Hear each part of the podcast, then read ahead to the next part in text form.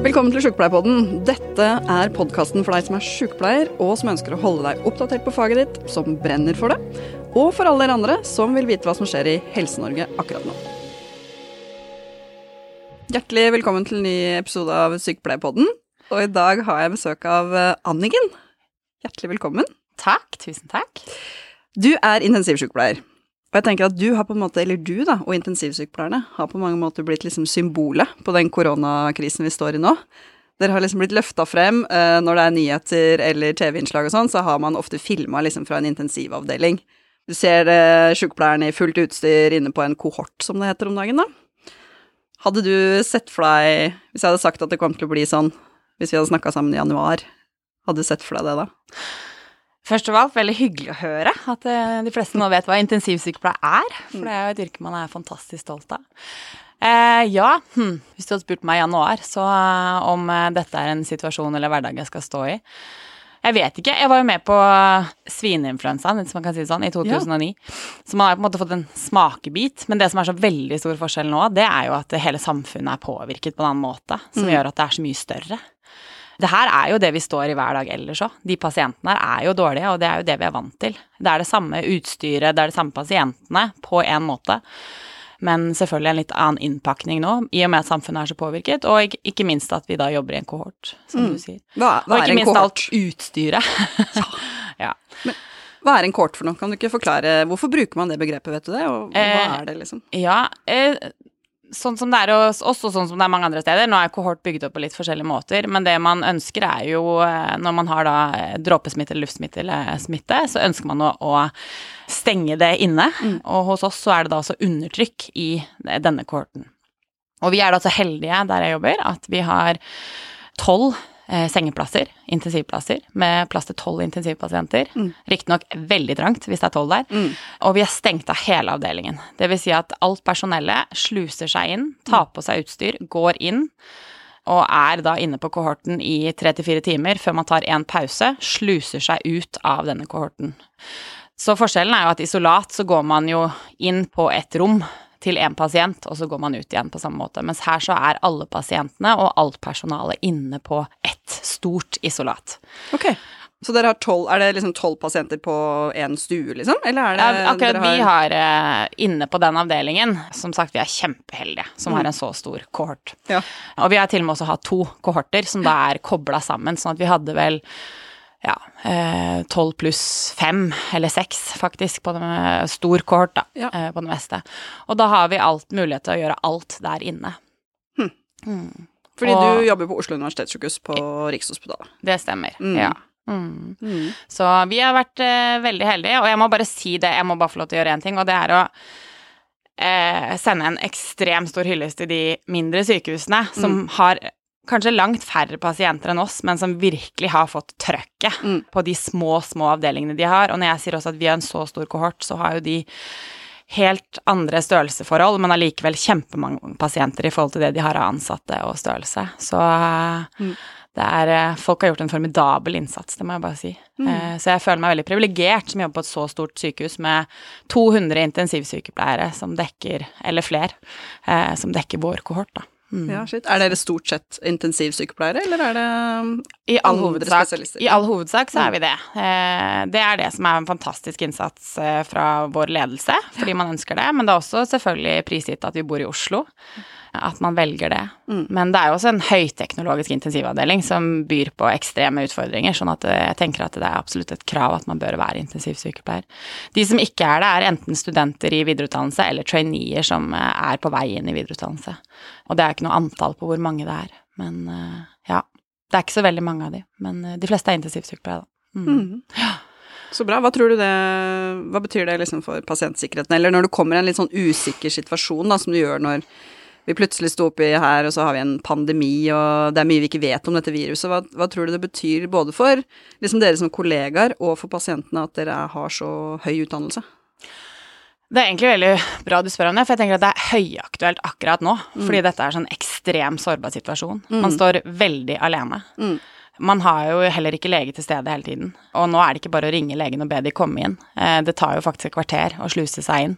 Som regel. Jeg tror de hadde greid å bruke mindre kvarter hvis det virkelig brant, men eh, det er jo nå Vi ser jo hvor fryktelig smittsomt dette er, så hvor viktig det er å kle på seg ordentlig på vei inn i slusa, det er jo hyperaktuelt. og Derfor så tar det tid før legene kommer inn, og derfor så er det så viktig nå at vi har den eh, spisskompetansen da, og erfaringen. Mm. Og ikke minst så står vi jo i ganske tette masker, som gjør at vi ikke kan kommunisere så lett heller. Så man står Man har den følelsen at man står litt mer alene. Det mm. gjør man. Jeg ser jo noen av de nyutdanna, og de er veldig ærlige, føler jeg, og veldig ydmyke på å si ifra at mm. husk at jeg er ny. Eh, og det er fordi vi er to avdelinger, eller tre innimellom også, som server den kohorten vi har. Som gjør at ikke vi ikke kjenner alle rundt også. Og derfor så er mange veldig flinke til å si ifra at hei, jeg er ganske ny, mm. eh, jeg trenger støtte og hjelp. Mm. Men eh, jeg tror allikevel at er, man føler seg enda mer alene nå enn til vanlig. Mm. så et bilde av uh, Kari Bue, din kollega, ja, ja. i Aftenposten. Min fantastiske kollega. Ja, din ja. fantastiske kollega, helt enig. Og hun hadde på seg det utstyret dere går i, men liksom, jeg har sett andre som har de hatt bare sånne vanlige sånne mm. M3-masker, liksom. Men dere mm. hadde jo på det så ut som dere skulle inn i et gasskammer. Hva er det for noe? Ja, nei, på godt og vondt så har vi vært eh, heldige å få eh, Vi har rett og slett flergangsmasker som brukes til eh, ja, fjerning av asbestplater og sånn eh, hos håndverkere. Men som også da kan brukes på virus. Altså det er på samme nivå som eh, P3-masker. Mm. Eller høyere. Det ligger i hvert fall ca. samme nivå. Ulempen er jo med disse maskene er at de er fryktelig tette og gnager veldig, veldig på huden. Så vi har mye dekubitus på nesa og på kinnene. Eh, mer enn disse andre maskene som du har sett, da. Men jeg føler meg veldig trygg, og de er eh, veldig lette å puste gjennom. Mm. Eh, grunnen til at vi fikk disse, var fordi at det var leveringsproblemer med utstyr. Eh, og da var det tilgang på noen av disse maskene, og så har man klart å få tak i flere. Så nå er det fortsatt et leveringsproblem på disse filterne da, som vi skifter ut. For disse er jo flergangsmasker, men vi skifter ut filterne. Okay. Og de filterne kan vi bruke i ti timer. Blir de sterilisert imellom, liksom sjølve maska, eller? Ja når, pause, ja, når vi har pause, så spriter de av filterne og legger de i sterile poser. Eh, det føles ganske trygt. Og så er maskene, de, eh, de har, Vi har jo sånne slusevakter både operasjonssykepleiere eller egne kollegaer som står og tar imot eh, alt utstyret, og som eh, steriliserer eller varmebehandler utstyret. Mm. mm. Så ja, nei, det fungerer veldig godt, akkurat det. Mm. Føler du deg trygg? Nå gjør jeg det. Mm. Ja. Men i begynnelsen? Nei. Jeg, jeg, følte meg trygg idet jeg kom inn på kohorten første dagen og så hvordan dette fungerte. Mm. Men eh, den fasen før før dette begynte, før covid-19, første pasienten kom, mm. den var uh, kjempetøff. Det må jeg si. Jeg jobber med verdens beste kollegaer. Sånn kjempeflotte, gode, varme mennesker. Mm. Uh, og har en helt fantastisk ledelse. Men det var så mye informasjon som vi måtte oppdatere oss på. Det var så mye usikkerhet. Vi visste at vi hadde for lite utstyr. Eh, nå har jeg riktignok jobbet ganske mange år eh, som intensivsykepleier, men eh, til og med de som du liksom ser opp til, og som er liksom hva skal jeg si, sånn pionerer i faget, som mm. jeg kaller de, ja, noen av de er bare sykt dyktige. Og så rolige. Mm. Og når de er redde ja. Jeg kjenner meg skjelve i stemmen, fordi at det var Nei, det var tøft å komme på jobb når, når de var redde og mm. usikre. Mm. Da De gjorde noe med meg. De gjorde det. Så den, de to ukene før første covid-pasienten kom, så var det veldig stille. Det var ekstremt lite pasienter. Vi har alltid høyt trøkk. Det er alltid fullt på intensivavdelingene våre.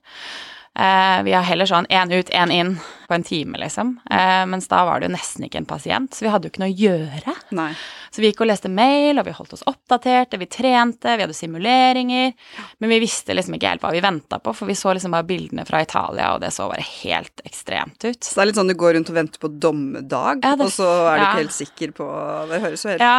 Absurd ut. Ja, men det er det som er så sykt da. For det er jo som jeg sa i stad, at det her er jo det vi jobber med egentlig hver dag. Det er bare litt annen innpakning nå.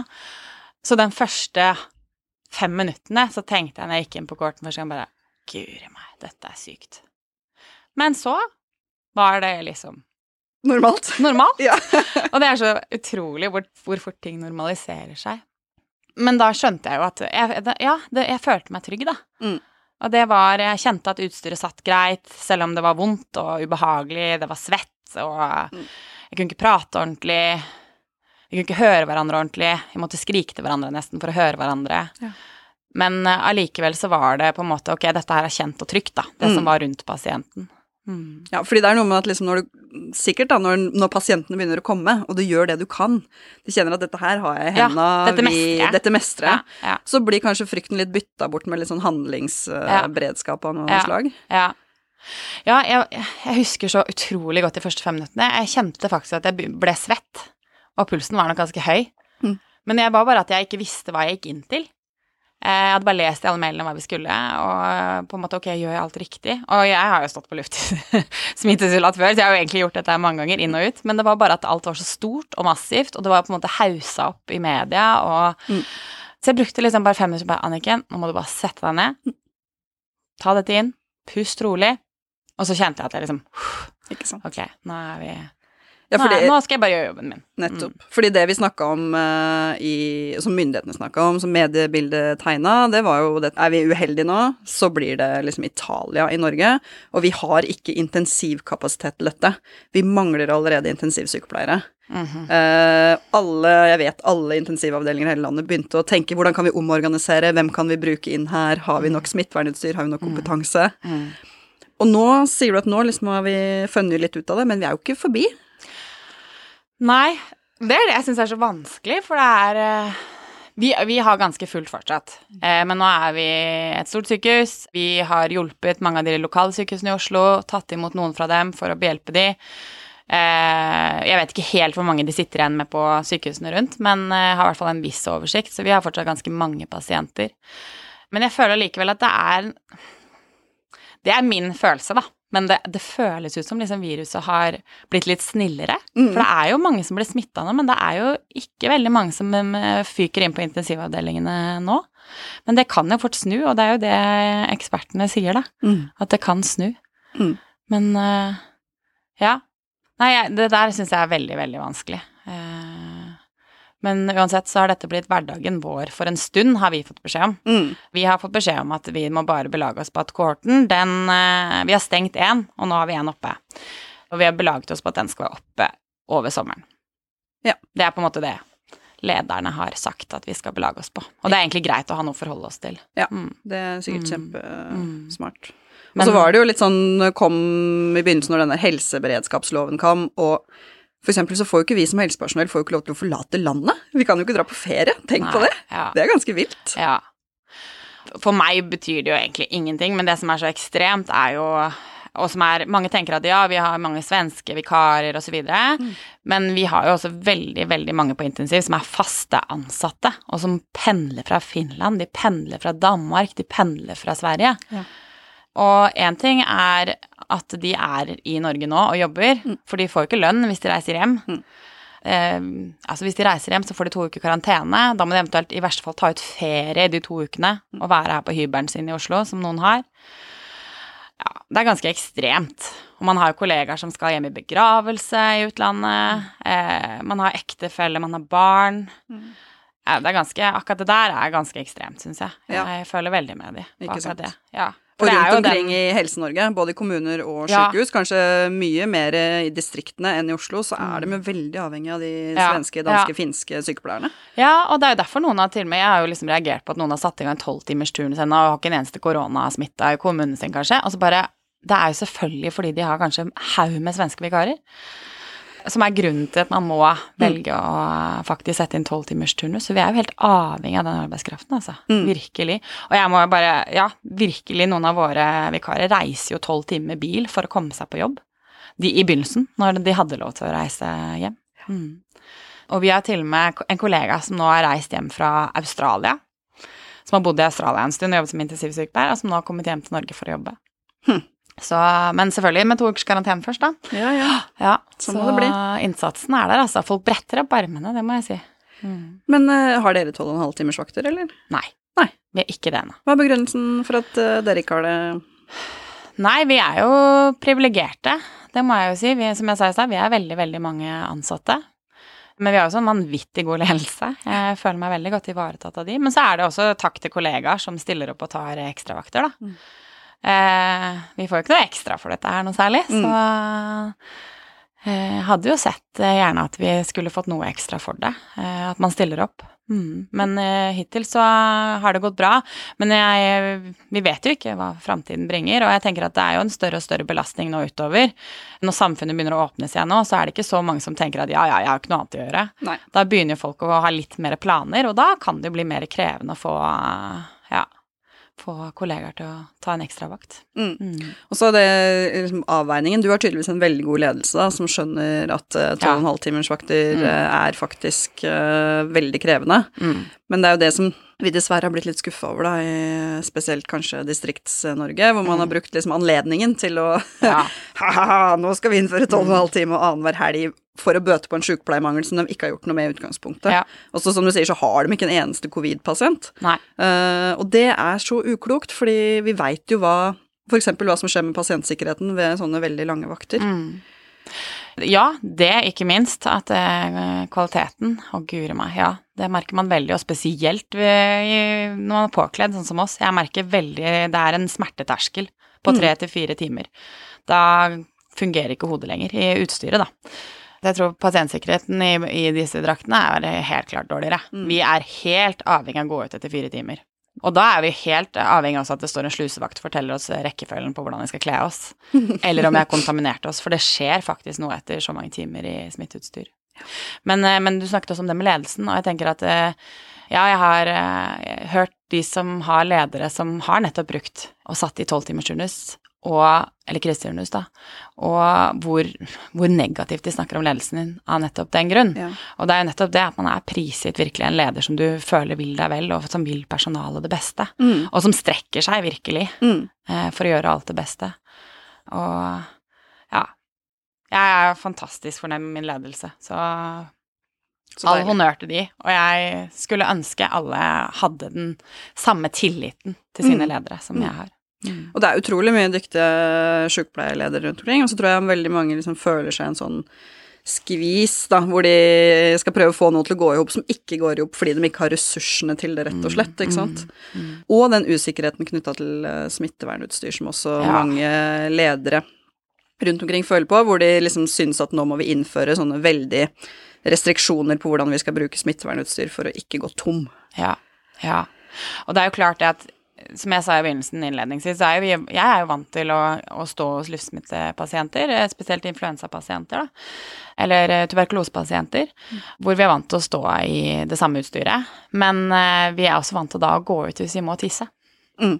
Og vi er vant til å kunne drikke litt oftere eh, og gå ut. Eh, ikke minst spise. Så det er, eh, det er en litt annen situasjon fordi vi må spare og rasjonere på utstyret, altså. Det er eh, ikke minst eh, bemanningsmessig. Når vi hadde full kohort, eh, så var vi For ting går treigere. Mm. Det går treigere. Både fordi at du har ikke sidesyn, eh, og som sagt så må man nesten rope gjennom masken for å høre hverandre. Og man er sliten på en måte, på en annen måte. Ja, så det går saktere. Da går, da går vakten av seg selv hele tiden, og, og, og man, man har Ja, man, man trenger å komme seg ut og få ordentlig luft. Mm. um, ja. Så det er eh, krevende å ikke kunne få lov til å drikke når man trenger det. Ja, ikke sant, fordi du kan ikke liksom løfte på maska og ta deg en slurk. Nei, og det er litt morsomt når du sa det, for det, for det, det der med at eh, ting har blitt så normalt. Ja. Jeg hadde en kollega forrige gang, vi hadde en eh, veldig dårlig pasient, så da var vi to intensivsykepleiere som hadde den pasienten sammen. Og så plutselig så sier hun 'jeg må bare en tur på do', jeg. Jeg bare Det går ikke, Ellen. Nei, det, det må du ikke. Du må ikke på do, du, vet du. nå har jeg nesten glemt meg litt. Og det sier litt om hvor vant man har blitt til situasjonen. At, eh, for det er jo det vi gjør. Kan du passe pasienten min? For vi går jo ikke fra pasientene våre. Vi er jo nødt til å være bedside hele tiden. Eh, og da sier man jo det, jeg er nødt til å gå på do. Kan du passe på? Eh, og så gir vi de instrukser om hva de skal passe på. Mens eh, nå så glemte hun seg litt. Så, men det sier litt. Det har blitt veldig normalt. Har dere hatt noen uhell ennå, eller? Nei, men det var, det var en av Vi har jo en del kollegaer som har eh, jobbet i, gjennom Leger uten grenser og jobbet med ebola. Og da hun ene hun sa på vakta forrige dagen, så sa hun at eh, husk det, det er mye bedre å tisse i, i buksa enn å kle av seg for fort. Det er da på vei ut av slusa. Og det er sant, Når man da er kontaminert Mm. med, med denne ekstremt smittsomme viruset som vi opplever det er, eh, så er det faktisk heller bedre å tisse i buksa enn å ta seg i feil rekkefølge eller for fort. Mm. Og man bruker jo fem-ti minutter, alt etter hvor lenge man har vært der inne, fordi man er litt sust i hodet på å kle av seg. Åh, da skal du ikke være veldig tisstrengt, altså. Nei. Sånn, du, får, du må jo mer og mer tisse ettersom du vet hvor nærme Ja, ja. du kommer å kunne Ja, gjøre det. ja. -hmm. Det Ja, men det er jo nettopp det, da. Man, man drikker mindre. mm, ja. Og man tar, jeg, jeg er vant til å drikke fem kopper kaffe i løpet av en dagvakt. Jeg drikker én nå. Så det er jo, det er jo du, du begrenser deg veldig. Ja. Så når du kommer hjem fra kveldsvakt, så får du kramper i leggene på natten fordi du drikker for lite. Hm. Mm, dessverre. Mm. Men du, jeg vet ikke, leste du for en liten stund tilbake, så var det en sånn eh, kommentar i Aftenposten av ei som heter Kristina Kristina Pletten.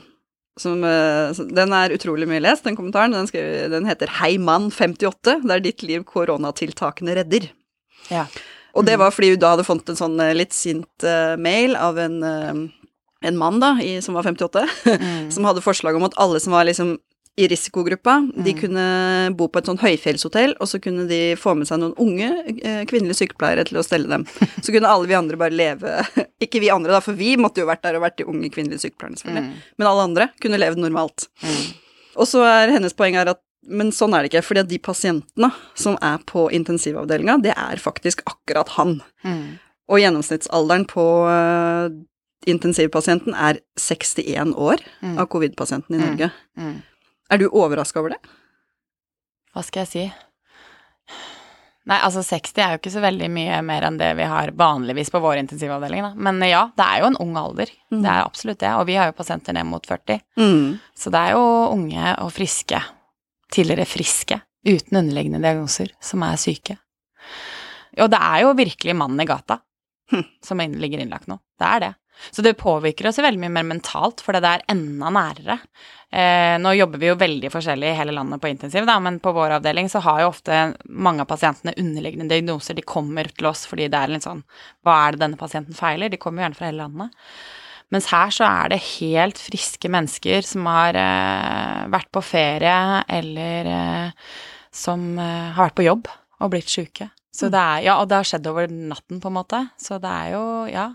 Ja, det, jeg vil si at det overrasker meg at det, det er ganske ekstremt nå. Mm. Det er det. For vi hører jo liksom at det er Nei, men det viktigste nå er at vi skjermer de, de Mm. eldre og de Mm. med underliggende Mm. sykdommer og sånn. Mm. Og så får jeg liksom ikke Det stemmer jo ikke helt med det at de som ligger på intensivavdelingene er såpass unge, da. Det, Nei. Det, men det som jeg syns er ekstra vanskelig nå, som jeg syns er vanskelig å ikke si noe om til eh, mannen i gata eller naboen eller Det er mange som lurer når man jobber på intensiv, så det er mange Mm. som spør. Men alle er jo så opptatt av hvem som dør. Ja. Men dette her handler jo om hvem som blir sjuke. mm, Og da mener jeg sjuke og bli ordentlig sjuke. Mm. Og da er det jo ikke bare ut av sykehuset neste uke. Nei. Dette er jo mennesker som trenger rehabilitering i år, og aldri kommer seg. Og så sier man at ja, ja, men det er jo bare 78-åringer som dør. Ja, det kan godt være, men de går igjennom mange uker med kjempehard behandling. Respiratorbehandling er ikke noe spøk. Det er kjempetøff behandling. Det er å bare løfte armen er som å løpe et maraton etterpå. Så hva dette her gjør med unge, friske mennesker, det er det veldig få som snakker om. Min kollega Jon Henrik Låke han var vel intervjua her nå nylig med en pasient som var på Cato-senteret. Og denne mannen han var vel rundt 50, og han så jo ikke noe vondt mot han, men han så ut som han var 70 og sto med rullatoren. Mm. Og det sier jo litt om hvor krevende dette her er for mennesker. Eh, å ligge på respirator, ligge i koma Mm. eh, i flere uker. Eh, de ligger til og med med muskelrelakserende. De kan ikke bevege seg, veldig mange av de, Mm. eh, fordi vi legger det i mageleie. Og de får jo Vi prøver jo selvfølgelig å gi dem rett ernæring, men det er ikke alltid så lett. Eh, de får ikke nok proteiner. Så de mister masse, masse muskelmasse. Så dette her å bygge opp dette igjen, det er, eh, det er ingen spøk, altså. Mm. Og ikke minst så har vi jo, som Jon Henrik Låke da fokusert på, vi har jo ikke plasser til unge mennesker, eller eldre selvfølgelig, som skal rehabiliteres etter dette. Mm. Det har vi ikke. Og vi har jo allikevel et kjempemye lavere antall smittede pasienter enn det som var frykten vår. Eh, og vi er jo ikke ferdige ennå, som du sa. Så det, det er det mange som glemmer. Det er ikke bare de som dør. Det er faktisk eh, Så den innsatsen folk har gjort ute i samfunnet, det har de gjort for oss som står på intensiv. Eh, jeg tror grunnen til at ikke vi har blitt så mye smitta, er fordi vi har kontroll. Mm. Det er jo så mange leger og sykepleiere, og spesielt intensivsykepleiere, som er døde Mm. i utlandet. I USA, Italia, England, flere andre land. Og jeg tror det er fordi de mister kontrollen. Mm. Vi står med én intubert pasient. Jeg har ansvar for én pasient Eh, Jeg vet at i USA, i England, i Tyskland så binder de pasientene, og de har tre og fire pasienter hver. Binder dem, hva mener du? Binder dem fast fysisk? Binder dem fast fysisk. Mm. Mm.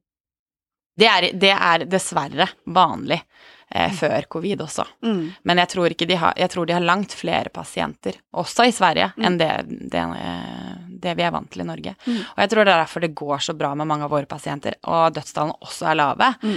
Det er selvfølgelig innsatsen ute i samfunnet, men det er også fordi at vi er så heldige at vi kan stå og ha For det første så har vi en mange av oss en mastergrad Mm. i intensivsykepleie. Vi har lang erfaring og masse kunnskap. Mm. Eh, og vi står én til én.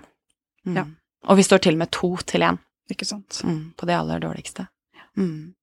Og det, jeg tenker at her kommer virkelig Her viser vi virkelig fram hva kunnskap Mm. betyr, da. Mm. Hvorfor vi neger så mye om at det er Mm. viktig at sykepleiere har Mm. bachelor og mastergrad, Mm. og at dette ikke er noe det er ikke noe sånn uh, hente kaffekopp-yrke. Liksom. Det er, altså, vi må komme oss videre fra det når vi faktisk Mm. viser fram at dette her handler om Mm. faget, og det dere kan. Og det Mm. sa jo du noe om når vi snakka, om, uh, snakka sammen uh, før denne samtalen nå, at dere jobber litt annerledes nå. Du sa det så vidt i stad at legen er ikke så mye inne i kohorten.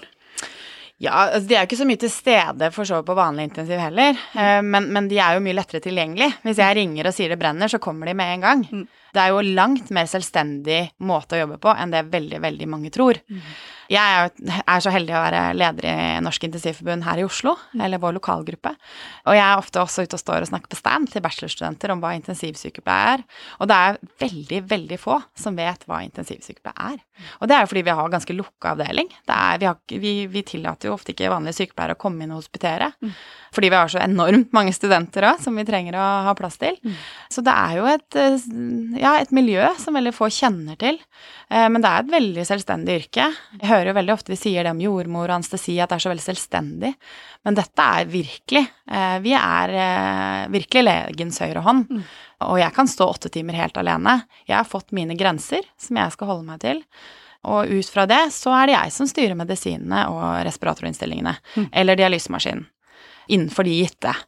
Det som er annerledes når de er veldig veldig sjuke, er at da spiller du med på lag med legen. Mm. Nettopp for å være et team og for å gjøre Fordi at flausene eller konsekvensene er Mm. så mye større da, når de er veldig, veldig syke. Ja. Hvis du gjør en feil, og derfor er det greit å være to om det. Ikke sant. Eh, eller selvfølgelig, i denne situasjonen her, så spiller man veldig på lag med en kollega, Ja. hvis det er mulig. Mm. Mm. Dette har ikke jeg peiling på, for det, jeg har ikke stått ved siden av en intensiv eh, med, med covid, men jeg så at på Ahus har de lagd nye prosedyrer for lindring av covid-pasienter, fordi de har så høyt symptomtrykk og mye pustebesvær. Er de veldig annerledes enn en annen intensivpasient, eller er dette i den terminale fasen som du kanskje ikke har så mange av, da, fordi de ikke har dødd eh, på intensiv fordi dere er så flinke? Vet du det? Nei, jeg vet ikke det. Nei. Altså Når du spør om de er veldig annerledes, så, så føler jeg jo kanskje at de er veldig annerledes innimellom. Ja. Men det er også fordi at nå er vi så veldig sånn Vi har en veldig homogen gruppe liggende i en avdeling. Ja. Og det er jo ekstremt utenom det vanlige. Ja. Vi er jo vanligvis vant til at det ligger en hjertestans i den sengen og en, eh, en SAH i den andre sengen. eh, Den tredje en hematologisk pasient. eh, Mens nå så har alle den samme diagnosen. Og derfor så sammenligner man jo så utrolig mye mer, og man ser særegenhetene så mye mer. Ja. Så det er veldig vanskelig å si om de er veldig annerledes, men eh, men ja, de, de, ter seg veldig annerledes. De gjør eh, innimellom det, altså. Og, men de, og de er alle veldig homogene, som jeg sier. Alle har nesten vært innom eh, mageleie. Alle har vært i den fasen der de skal begynne å våkne. Og en ting som er ekstremt Nå snakker jeg bare av erfaring, og noe som ikke er bevist ennå, tror jeg, men de krever vanvittige doser med sedasjon og smertestillende. Ja, for, fordi det er det de har eh, Det var det jeg bare leste gjennom den på rutinen på Ahus for lindrende, så er det jo mye høyere doser enn eh, man er vant med. Veldig mye høyere. Men eh, jeg har ikke hatt noen pasienter i palliativ fase, så jeg tror ikke jeg skal uttale meg så veldig om det. Men, men, jeg, Men det er sånn også, liksom, når de er intensive. Ja, ja, ja, ja, ja. Og det gjelder ikke bare smertestillende eller sovemedisiner. Det gjelder muskelrelakserende. Vi legger de på høyere doser enn vanlig. Eh, og det gjelder også eh, hvis de går med blodfortynnende medisiner. Det er, det er, eh, de krever ganske store doser, altså. Mm. Men AUS har jo gjort en helt vanvittig innsats, og de har jo på en måte vært pionerene i Norge, egentlig. For de fikk jo virkelig den første bølgen, altså. Mm. Jeg syns det liksom, når vi gikk og venta, som jeg snakka om i stad, og bare så hva som skjedde på AUS, så var jo det en del av den hva er det vi, er det vi venter på? Ønska du at du jobba på Ahus da? Nei, ja, det kan det, det høres fælt ut, men ja, nei, jeg gjorde egentlig ikke det, altså. Men, eh, men eh, jeg tenkte mye på det, for jeg kjenner jo mange kollegaer der. Eller jeg har jo mange intensivkollegaer som jeg kjenner. Så de gjorde Ja, de har gjort en vanvittig innsats. Jeg tror det er ingen andre i Norge som har hatt eh, så stort trøkk. Mm. Det må jeg si. Ja, og de har klart det kjempebra. Mm. Så veldig all ære til de. Mm. Mm. Det er jo veldig mye skriving i media om den jobben eh, helsevesenet gjør om dagen. Um, og så er det òg en del klapping. Blir du glad for det, eller blir du provosert, eller hvordan forholder du deg til den hyllesten? Jeg må si første uken så kjente jeg Første uken jeg jobba med det selv, så kjente jeg en tåre i øyekroken og tenkte liksom Guri meg, ja, dette her er Dette er sykt. Og var liksom stolt. Mens nå er jeg veldig mer sinna. Både når noen nevner ordet dugnad eller eh, klapper. Altså, det er hyggelig på den siden, det er det, men jeg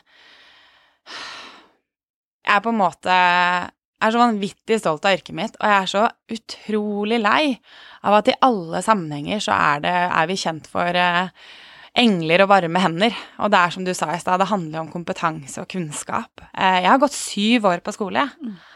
Og tatt eh, heldig som fikk ta en mastergrad av min ledelse. Etter videreutdanning og etter bachelor. Mm. Og jeg føler fortsatt at vi ikke får noe anerkjennelse for det vi kan, eller det vi har lært. Og jeg, ja, det, det overrasker meg at vi liksom fortsatt er der nå. Jeg følte liksom at yes, endelig får vi den anerkjennelsen som vi fortjener. Mm. Eh, jeg selv skulle bli siviløkonom og jobbe hardt for å komme inn på det, og var liksom Ja, ja. Og jeg er så utrolig glad at jeg ble intensivsykepleier. Det er et fantastisk yrke. Det er så givende. Og jeg gleder meg hver eneste dag til å gå på jobb. Eh, og allikevel så blir jeg sett ned på Mm. av de fleste. Mm. Og det er eh, Nei, det er veldig trist at man står med så mye ansvar. Jeg står med livet i hendene, Mm. og allikevel så Anerkjennelse i lønn, det orker jeg ikke å tenke på, for da hadde jeg bare gått rundt og vært bitter. Ja, og da hadde jeg ikke trivdes i jobben min. Mm. Jeg er veldig, veldig fornøyd med det, og lønn det, Jeg valgte ikke det yrket her for å få penger, Mm. men jeg skulle virkelig ønske at vi ble verdsatt både gjennom lønn, men også det å bli sett på som en kompetent, eh, kunnskapsrik person, da. Mm, mm. Mm. Ja, for vi snakka om det mm, her om dagen med forbundsledelsen, at eh, det ikke sitter en eneste sykepleier i denne koronakommisjonen. Har du fått med deg det? Ja, Hva dessverre. tenker du om det? Nei, jeg følte at vi rykket helt tilbake til start igjen. For det er, det er, ja, i begynnelsen så kjente jeg liksom Endelig vet naboen min var intensivsykepleier! Mm. Det er ikke bare det 'Å ja, du er bare sykepleier'. 'Å ja, du jobber på Riksen', ja. 'Å ja, å ja hva, hva jobber du med?' 'Ja, nei, jeg, jeg er intensivsykepleier'. 'Å ja, ja, du er bare sykepleier'. Mm. Og det er, det er helt utrolig at de fortsatt er der. Mm. Og da følte jeg liksom at Men allikevel så følte jeg nå Endelig! Nå vet til og med mamma og pappa var intensivsykepleier. Mm. Fordi man har sett disse science fiction-filmene på TV som de nå opplever det som, eh, fra intensivavdelingen i Italia f.eks. Eh, men så rykka vi da dønn igjen tilbake til start, når eh, til og med Erna ikke klarer å se hvor viktig sykepleierrollen er i denne krisen. Da. Mm. Og så er ja, jeg skjønner at ikke alle yrkesgrupper er plass i denne kommisjonen, men at man har plass til tre medisinere, Mm. det vi er Nei, jeg syns absolutt det bør være en sykepleier med i den kommisjonen. Og vi har absolutt mange kandidater som kunne sittet i den kommisjonen. Så tror du det hadde skjedd at de hadde oppnevnt en sånn kommisjon uten en medisiner? Nei, nei, nei. Og det er, men, det er, men det er liksom bare gjenspeiler det samfunnet ser på oss som, da. At mm. vi, vi er jo ikke noe viktig, det er jo legen. Mm. Mm. Det også gjenspeiler det som vi ser når vi noen ganger har pårørende på intensiv, at de blir litt sjokka over Det tar dem noen timer, og så skjønner de at 'Å ja, er du sykepleier?' Fordi de tror jo at det som skjer rundt mammaen eller pappaen deres eller barna deres, med alle de maskinene og alt utstyret og det ansvaret, at vi er leger.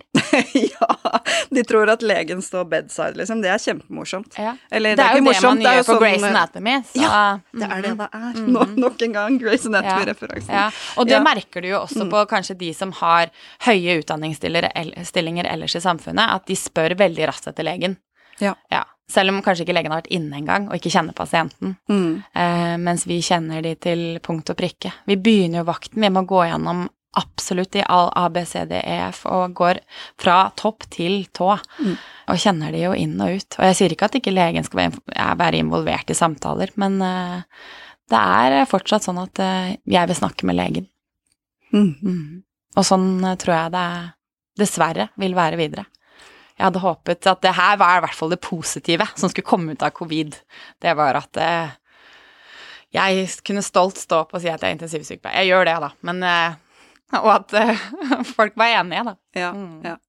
Mm. Jeg, jeg håper ikke det toget er gått, men jeg tror vi må, skal, vi må fortsette å Ja. være ganske tydelige da, eh, på hva slags forventninger vi har. Mm. Så det er jo dere. Uh, dere har jo en veldig tydelig, dyktig faggruppe, som du jo er lokallagsgruppeleder for. Ja. Og tenker at det er utrolig viktig at liksom Sykepleierforbundet er jo én ting, men det å ha liksom de fagstemmene Mm. som sier du sier jeg er ikke, jeg er ikke politiker, jeg er fagnerd. Ja, men det er det vi trenger. Vi trenger Ja. de som snakker fag, sånn at vi skjønner at dette handler liksom ikke om posisjonering, det handler Ja. om pasientens beste. Ja. Men da må jeg sende en honnør til dere òg, da. For dere er jo blitt veldig gode til å si eh, fag i front.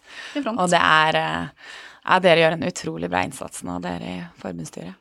Det gjør vi Dere har blitt sammen. veldig synlige, og det hjelper oss å bli enda synligere, det òg. Mm. Mm, mm. Mm.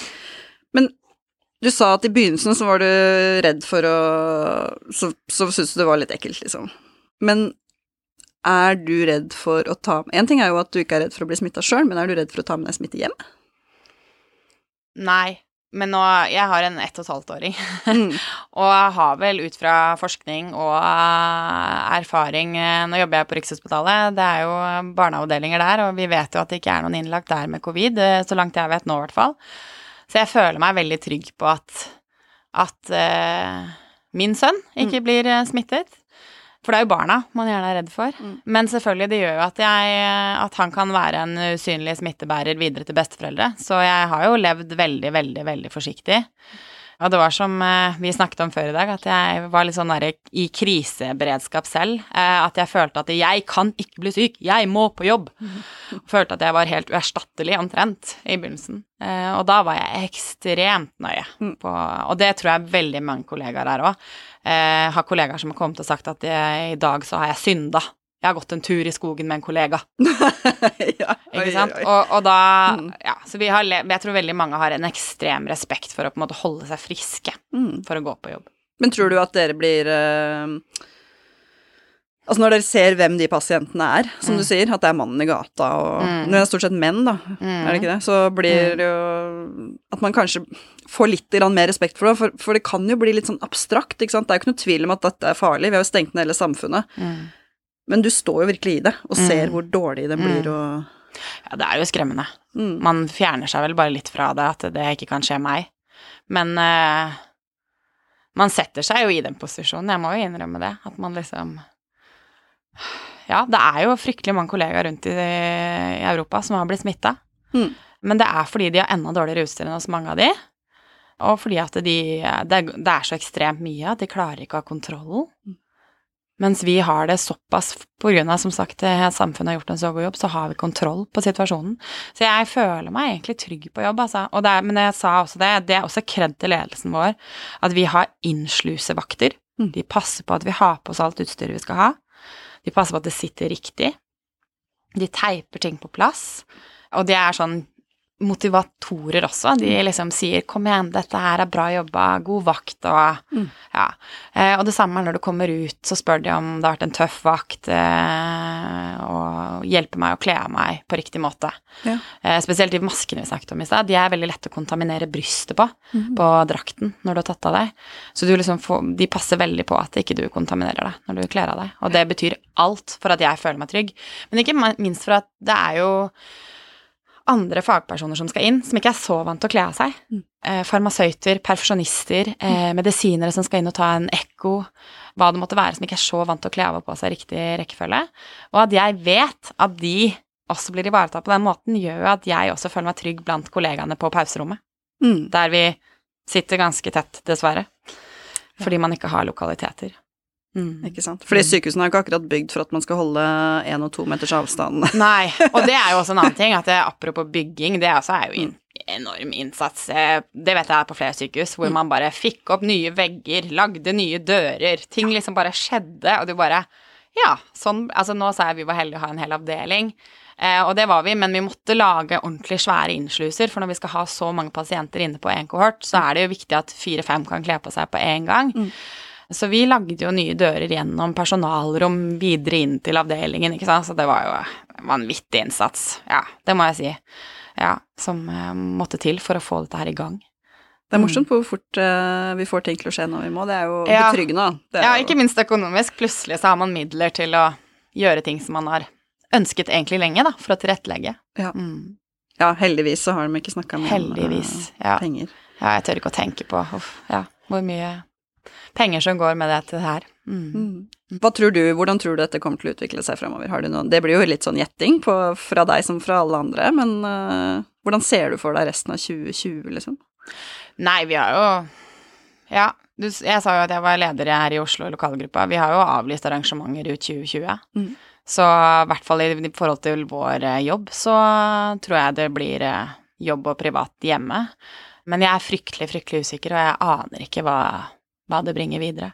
Men heldigvis da, så sier de jo at dette med varme og fuktighet uh, gjør viruset svakere. Mm. Uh, så jeg håper jo at sommeren blir varm og god og skal uh, hjelpe på og dempe det. Mm. Så jeg håper Nei, jeg, jeg, jeg sitter og tenker på det her hver dag. Jeg vet faktisk ikke hva det Hva som skjer videre.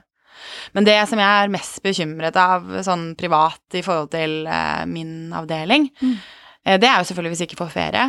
Mm. Men jeg er også veldig bekymret for det, disse jeg i stad kalte våre pionerer. Mm.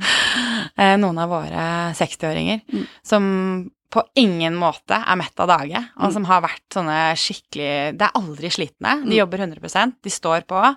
eh, Og de er liksom sultne fortsatt på fag og på utvikling, fagutvikling, og ja, de syns det fortsatt er gøy å stå Altså, det høres fælt ut, å stå med dårlige pasienter er gøy, men det, Jo, det er jo bra det at det er sånn det er. Bra. Ja, det er bra. Men det jeg er så redd for nå, da, er at den generasjonen der Mm. Fordi, som vi sa, det er fryktelig mangel på intensivsykepleiere fra før av. Og hvis den gjengen der nå tenker at nei, jeg kan gå av nå, jeg går av nå. Mm. Jeg er veldig redd for at det er det som skjer nå i forbindelse med den coviden her. Når det liksom begynner å roe nå, så er det flere av de som tenker at nok er nok.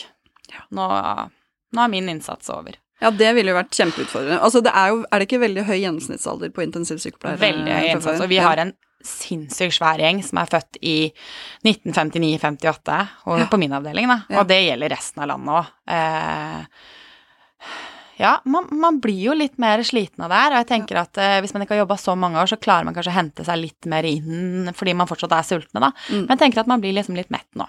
Ja. For det har vært tøffe dager, altså. Det Mm. har det.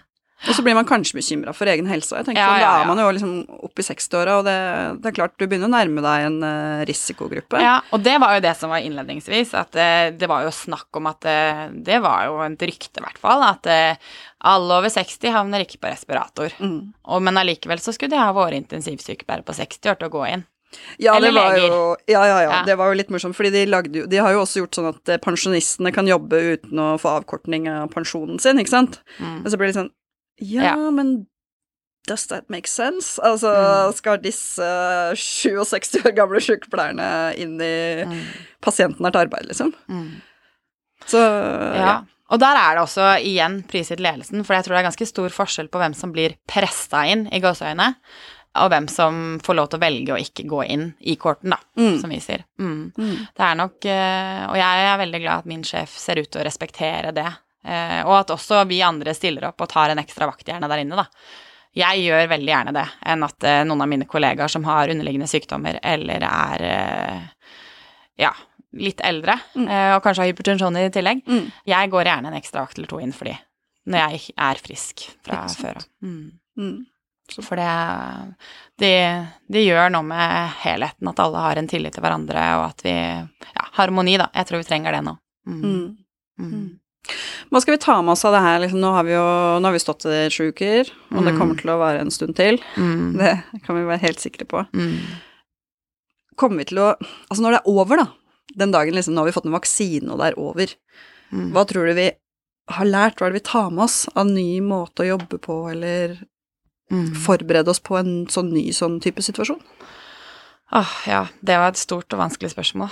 Men eh, sånn samfunnsmessig så håper jeg jo ja, På den ene, siden så tror jeg jo samfunnet er blitt eh, flinkere til å tenke hygiene og tiltak. På den andre siden så håper jeg virkelig at eh, helseforetakene og regjeringen eh, tenker mer over hva vi har i beredskap. Alt handler om penger, og det gjør jo helsevesenet generelt. Og man blir jo helt gal av det, for det er jo så mange ganger at vi ikke kan gi, yte ordentlig kvalitet fordi vi ikke har godt nok Mm. utstyr. Men vi er nødt til å ha bedre beredskap, altså, for dette her var virkelig ja, krise. Mm. Virkelig. Og det er jo bare takk og lov, eh, egoistisk sett, at vi har mye penger i Norge. Mm. At vi klarte å stable og på beina litt penger for å få tak i utstyr, for det føltes sånn en liten periode. Mm. At vi har greid å betale forbi de landene som har dårligere økonomi. Ja. ja. Mm. Og nå er det jo på dette smittevernutstyrmarkedet, så er det jo rett og slett litt Texas nå, ikke Ja. sant. Så det er jo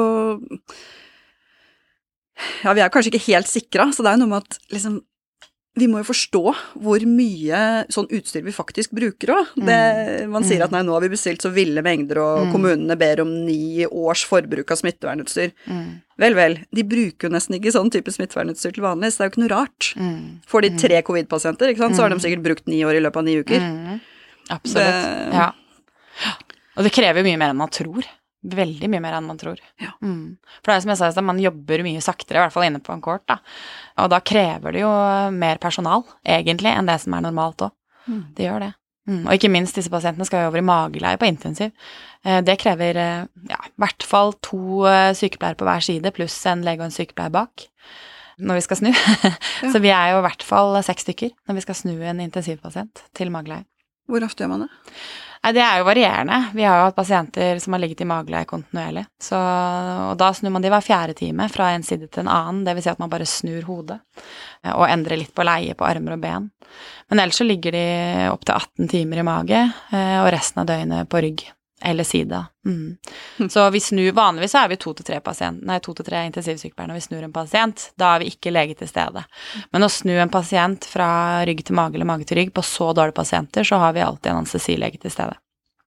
Mm. Som da har hovedansvar for tuben, som da ligger ned i lungene. Mm. Mm. Åh, det gjorde så inntrykk med han pasienten som du snakka om i stad, som hadde blitt intervjua på Dagsrevyen. Jeg så på det Ja. intervjuet, Mm. som, som har, var fri, frisk igjen, ikke sant, men som Mm. skulle rehabiliteres. Mm. Og han sa Jeg vet ikke, jeg har ikke helt oversikt om det er høst eller vår. Ja. Mm. Tenk på det. ja. Men det, det er dessverre normalen. Ja, ikke sant? Mm. På, men det som jeg liksom har tenkt mye på, er det derre når intensivpasientene våkner nå De har på en måte blitt lagt i eh, Alle hater jo det ordet kunstig koma, men det er det de blir lagt i, da. Og de blir lagt på respirator, og de ligger i koma i lang tid. Og det siste de husker, det er jo på en måte at samfunnet går under. Det Ja. føltes jo sånn i noen dager, ikke sant? At liksom, hva er det som skjer? Og det er jo det siste de husker. Mm. Og så våkner de da opp med, ja, som du snakket om Kari Bu sin gassmaske i stad, det er jo sånn vi ser ut. Mm. Og det første de våkner opp til, er det. Altså, det må jo være en helt ekstrem opplevelse. Og disse pasientene har jo veldig mye mareritt, eh, og de er i kraftig delir som regel når de våkner fra før av, fordi de har fått såpass mye medisiner i lang tid.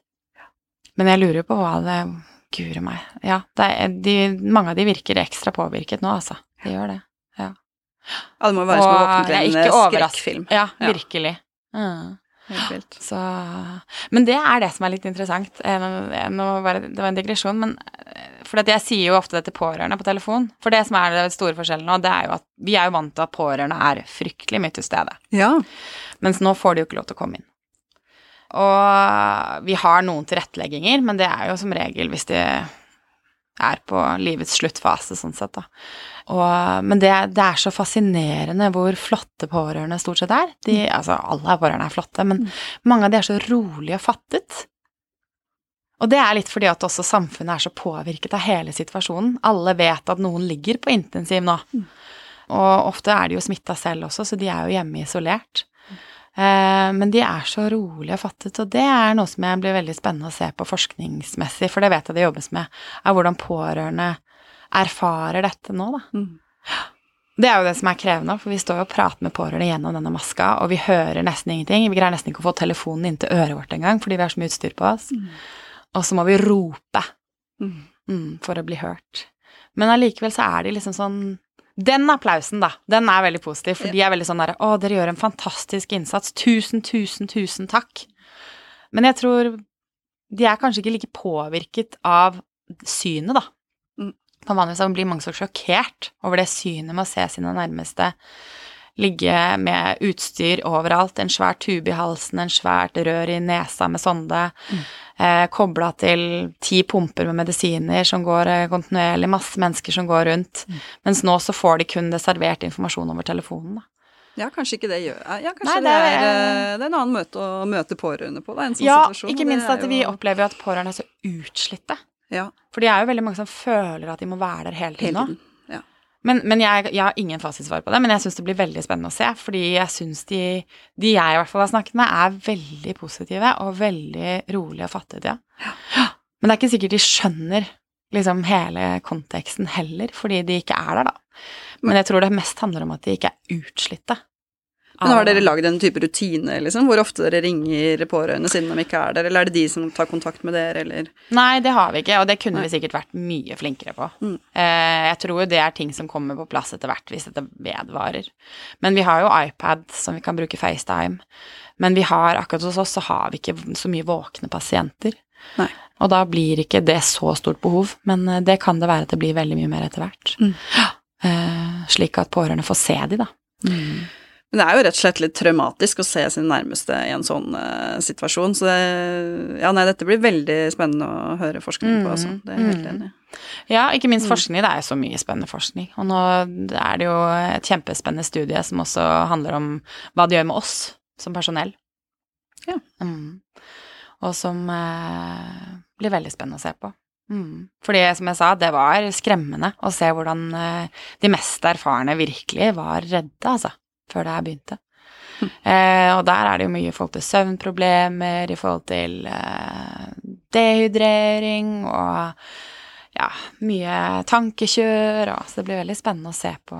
Og det oppfordrer alle til å være med på det studiet, som jobber eh, med covid-pasienter. Og så blir det så viktig å få noe forskning med sykepleierperspektiv òg. Ja. Fordi det, nå Ja. kommer vi til å lyse ut en, eh, en eh, stipendiat, en ph.d.-midler, Ja. til en covid eh, Åh, Fordi vi tenker at det må vi Ja. Nå må vi liksom sikre at det blir noe sykepleierforskning knyttet til covid-pasientene også. ja. Da håper jeg dere får masse søkere. Ja, det tror jeg vi gjør. Det er allerede mange som har tatt kontakt. Forhåpentligvis er intensivsykepleiere for min del, da. Ikke sant? Ja. Mm. Får Nei, det er, ja, det er mange som eh, står og venter på et spennende prosjekt, så Mm. Ja. Det er jo veldig mange klinikere med master, men de fleste vil jo være i klinikken. Men hvis det kommer liksom et sånn spennende prosjekt, så er det fort at noen svinger seg rundt. Ja, og så tror jeg vi må bli mye flinkere til å gjøre sånn som legene har gjort i alle år, at de både forsker og jobber klinikknært. Ja, og det er det jo mange som gjør. Mm. Vi har mange i vår avdeling, og, og noen, jeg vet ikke helt hvordan det fungerer, men i hvert fall vi har noen som jobber mer i klinikken nå, Mm. eh, og som har lagt på en måte litt eh, ph.d.-en litt til side akkurat nå, i hvert fall. Mm. Eller i hvert fall de som jobber postdoc òg. Mm. At det er mye mer i klinikken nå. Og det er veldig hyggelig, da. Ja, At, det er eh, for de ser vi jo vanligvis ikke så mye. Nei. Og det er så Ja, dette er jo i hvert fall pionerer, mange av de. Og når de kommer inn og jobber som om det er det eneste de har gjort, det er uh, virkelig forbilder. Mm. Mm. Tusen takk for at du kom hit til Ja. Sykepleierpodden. Jeg følte jeg hadde så mye på hjertet, egentlig. Er, det bare... er det mer du vil si? Nei, men jeg vil bare si én en Ja. ting. At jeg håper så inderlig at både søknadsmassen til sykepleie, men ikke minst til intensivsykepleie, vil øke av dette og ikke minske. For det intensivsykepleie er et helt fantastisk yrke. Det gir så mye. Eh, og det er så mye flotte intensivsykepleiere rundt her i landet som eh, venter på nye kollegaer. Så jeg håper at du der ute søker. Jeg fikk lyst. Ja, Er, det. det, er, det er ikke for sent. Nei, det er Nei. ikke, absolutt ikke for sent. Nei. Det er det ikke. Så neste mulighet, så skal Ja. jeg søke på intensivsykepleie. Ja, det gleder jeg meg til. Yes. Takk skal du ha. Takk skal du ha.